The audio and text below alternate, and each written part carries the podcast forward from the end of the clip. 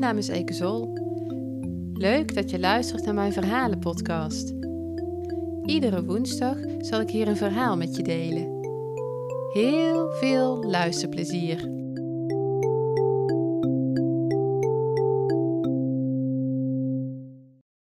Herfstkind. Vroeger hield ik niet zo van de herfst. Ik had meer met de lente en de zomer. Ik zag altijd op tegen de donkere dagen en het lang binnen moeten zitten. Dat veranderde voorgoed toen ik in februari 2018 wist dat ik zwanger was. Er was een herfstkind op komst. Vanaf dat moment keek ik voor het eerst uit naar de herfst. Ik heb er lang op moeten wachten dat jaar. De zomer was heet en in oktober werd het zelfs nog een keer 24 graden. Wat moet dat heerlijk zijn, hoorde ik toen veel mensen zeggen.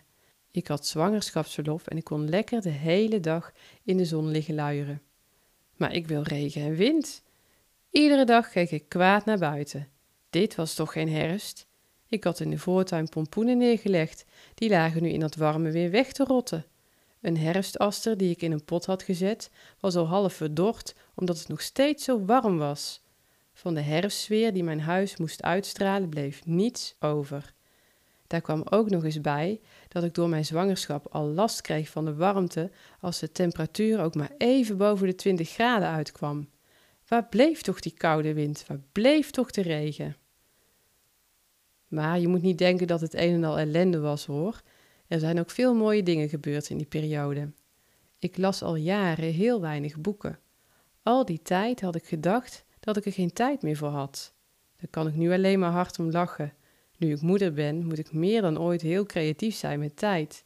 Ik had voor 2018 juist zeeën van tijd. In die hete zomer moest ik het wat rustiger aan gaan doen. Maar alleen maar op de bank liggen en series kijken op tv, ja, daar had ik geen zin in. Het leek mij dan ook een goed moment om weer lid te worden van de bibliotheek. Als kind en als tiener was ik daar kind aan huis.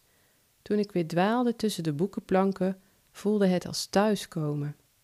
Klinkt misschien een beetje overdreven, zou je denken, maar zo voelde het echt. Ik raakte weer verslingerd aan die onbekende werelden die in mijn beleving alleen open kunnen gaan als je een boek leest. Het was heerlijk en ik was erdoor verrast.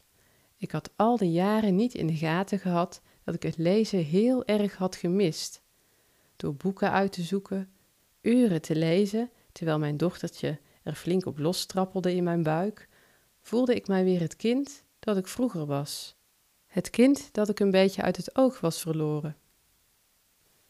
Mijn zwangerschap had de in slaap gesuste gewoonte van lezen weer wakker gemaakt, maar er was ook nog een in slaap gesuste wens. Ik wilde namelijk erg graag verhalen schrijven. Mocht je de aflevering nog niet beluisterd hebben, in aflevering 2, hoe ik maar niet aan schrijven toe kwam, vertel ik je daar meer over. Misschien heeft het lezen ervoor gezorgd dat ik naar pen en papier heb gegrepen. Misschien kwam het door de zwangerschap. Het maakt ook eigenlijk niet uit waardoor het kwam. Ik kreeg zin om te schrijven en op papier ontstonden er verhalen over vakanties en ontmoetingen op straat. Na veel schrijven en schrappen durfde ik voorzichtig een beetje trots te zijn op wat ik had geschreven. Ik kwam erachter dat ik het in me had om een omgeving of een gesprek tot leven te laten komen op papier. Ik betrad een onontdekte wereld die ik nog steeds aan het verkennen ben, en dat voelt geweldig. Precies op de dag dat mijn dochtertje geboren werd, kreeg ik de herfst waar ik al die tijd op had gewacht. De zon scheen volop, de bomen kleurden geel en het was koud, eindelijk. Na een week was ik weer voldoende op krachten gekomen om een korte wandeling met haar te gaan maken. Met de wandelwagen reed ik dwars door een gouden bed van bladeren. Ik genoot van het knisperende geluid onder mijn voeten. Ganzen vlogen voor ons uit de ondergaande zon tegemoet, op weg naar een nieuw leven, net als wij. Bedankt voor het luisteren. Volgende week kun je luisteren naar een nieuw verhaal. Zou je me willen helpen om deze podcast te laten groeien? Laat dan een review achter. Alvast heel erg bedankt. Wil je meer verhalen van mij lezen? Bezoek dan mijn website ekezol.nl. Als je op de hoogte wilt blijven van iedere nieuwe aflevering, Abonneer je dan op deze podcast. Dat zou ik erg leuk vinden. Vind je deze podcast leuk en ken je iemand die het ook interessant zou vinden? Vertel erover of deel deze podcast via bijvoorbeeld WhatsApp.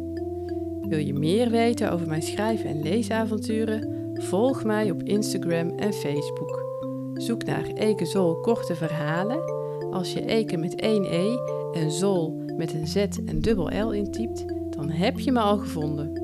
Nogmaals, heel erg bedankt voor het luisteren en graag tot de volgende keer.